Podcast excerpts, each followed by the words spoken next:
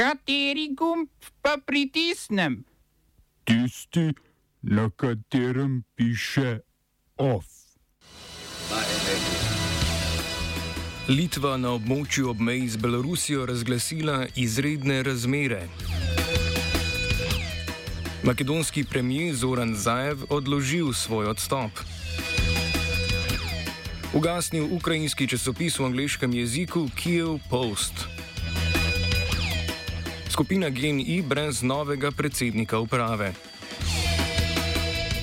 V kulturnih novicah festival češke literature in stripa v dobri vagi. Poslanci litovskega parlamenta so za območje ob meji z Belorusijo razglasili izredne razmere zaradi migracijske krize. Izredne razmere bodo trajale najmanj en mesec, obmejnim stražarjem pa bodo omogočale, citiramo, psihološko prisilo in proporcionalno fizično nasilje, konec citata, da bi imigrantom onemogočili vstop v državo. To je sicer v nasprotju z mednarodnimi konvencijami. Razglasitev izrednih razmer prinaša še prepoved potovanj na območje, manj kot 5 km oddaljeno od litovsko-beloruske meje, razen za domačine. Stražarji lahko prebežnikom oduzamejo telefone ter prepovejo javne shode ob meji in v kampih za prebežnike.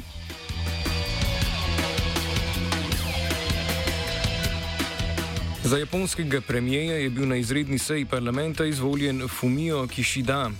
Njegova liberalno-demokratska stranka je namreč na zadnji oktobrski dan slavila na predčasnih volitvah in si v pomembnejšem spodnjem domu parlamenta zagotovila 261 od skupno 465 sedežev. Nekdani zunani minister Kišida je vlado sicer vodil že od 4. oktobra, potem ko je odstopil nekdani ministerski predsednik Yoshihide Suga.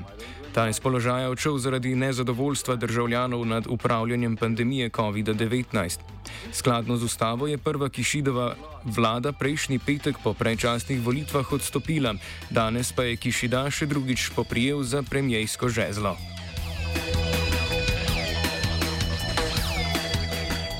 Počasnejše je sestavljanje vlade na Češkem. Predsednik republike Miloš Zeman je mandat za sestavo vlade podelil Petru Fiali, ki je do zmage na parlamentarnih volitvah popeljal konzervativno zavezništvo treh strank skupaj. Že v ponedeljek so voditelji strank omenjene konzervativne alijanse podpisali koalicijski sporazum z bolj liberalnim zavezništvom piratov in županov, ki se je na volitvah uvrstilo na tretje mesto. V 200-članskem parlamentu imajo skupaj 108 poslancev. Se je pa vse do konca ugibalo, kaj bo glede mandatarstva storil predsednik Zeman, ki že dlje časa v bolnišnici. Znano je namreč, da je velik podpornik dosedanjega premijeja in milijarderja Andreja Babiša, hkrati pa naj ne bi bil preveč naklonjen predvolilnim zavezništvom. Zoran Zajev je umaknil odstop z mesta predsednika makedonske vlade. Uradno ga je sicer preložil na kasnejši čas. Za odstop se je odločil po neprepričljivih rezultatih in porazu svojih socialdemokratov na lokalnih volitvah, ki so potekale konec oktobra.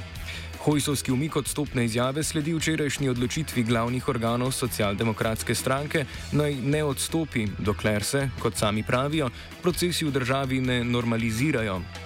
Kljub pomiku odstopne izjave čaka Zajeva jutri glasovanje o nezaupnici njegovi vladi, ki jo je predlagala desničarska opozicijska stranka VMRO DPMNE.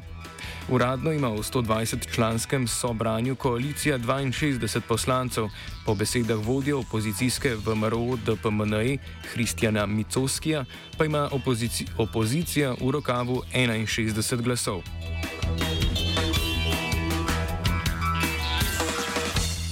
Splošno sodišče Evropske unije v Luksemburgu je potrdilo globo Evropske komisije zoper ameriškega tehnovelikana Google iz leta 2017 v višini 2,4 milijarde evrov zaradi zlorabe prevladujočega položaja na področju spletnega iskanja. Google spletni iskalnik je namreč promoviral svojo storitev za primerjavo cen pri nakupovanju, poimenovano Google Shopping, Googlova krovna družba Alphabet se lahko na odločitev splošnega sodišča EU, ki je drugostopensko, pritoži na sodišče Evropske unije.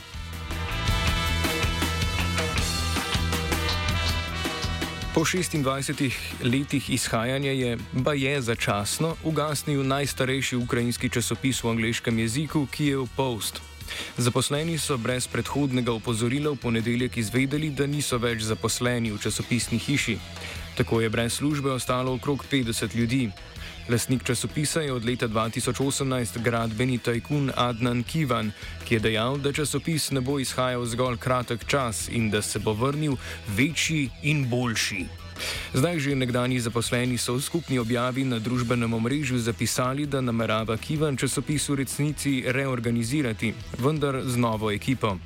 Lastnik je zaposlene že oktobra obvestil, da namerava začeti izdajati še ukrajinsko različico časopisa, odgovornega urednika pa si je izbral kar sam. V tem so zaposleni videli grožnjo časnikovi neodvisnosti.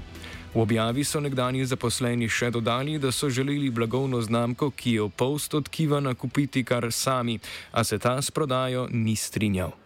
Oba, če, če bom odgovoril na angliški. Slovenija will try to help. We can Slovenija will and we will do our utmost. To say that the situation is our problem ourselves. and uh, We will Make further steps as soon as the conditions are. bomo vlado Marjana Cererja, Mira, Marjana Cererja Šarca podprli. uh, very, very serious. we know how and we will. Imamo novo mestno občino. V mestno občino je bila namreč v državnem zboru povzdignjena občina Krško. Predlog novele zakona o ustanovitvi občin, s katero bi občina Krško postala mestna občina, je po skrajšenem postopku uložil poslanec SNS-a Dušan Šiško. Za je glasovalo 65 poslancev, 11 jih je bilo proti.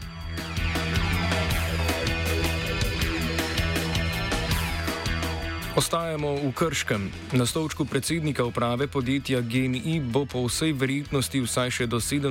novembra dosedanji predsednik uprave Robert Golob.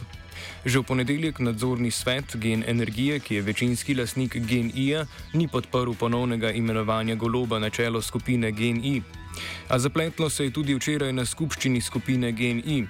Potem, ko so zavrnili goloba, skupščini ni uspelo izvoliti tudi nobenega drugega kandidata. Najprej zadostne podpore za prevzem stolčka predsednika uprave ni prejel Davorin Dimič, ki naj bi sodil v kvoto stranke NSI, nekoč pa naj bi bil član SMC-ja. Na mesto člana uprave prav tako ni bil izglasovan Jure Soklič, ki naj bi takisto sodil v kvoto NSI. Če se do 17. novembra ne bodo uskladili glede nove uprave, verjetnost uskladitve še bolj pa sklica nove skupščine je majhna, bo o nadaljem vodstvu odločalo sodišče.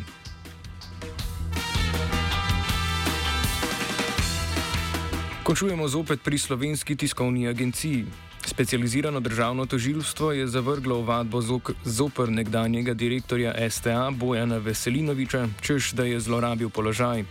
Naznanilo suma kaznivega dejanja je podal nadzornik STA in Janšev pro, protež, protežiranec, odvetnik Radovan Cerjak, ki je Veselinoviču očital podpis kompenzacijske pogodbe s časopisno hišo Dnevnik leta 2012.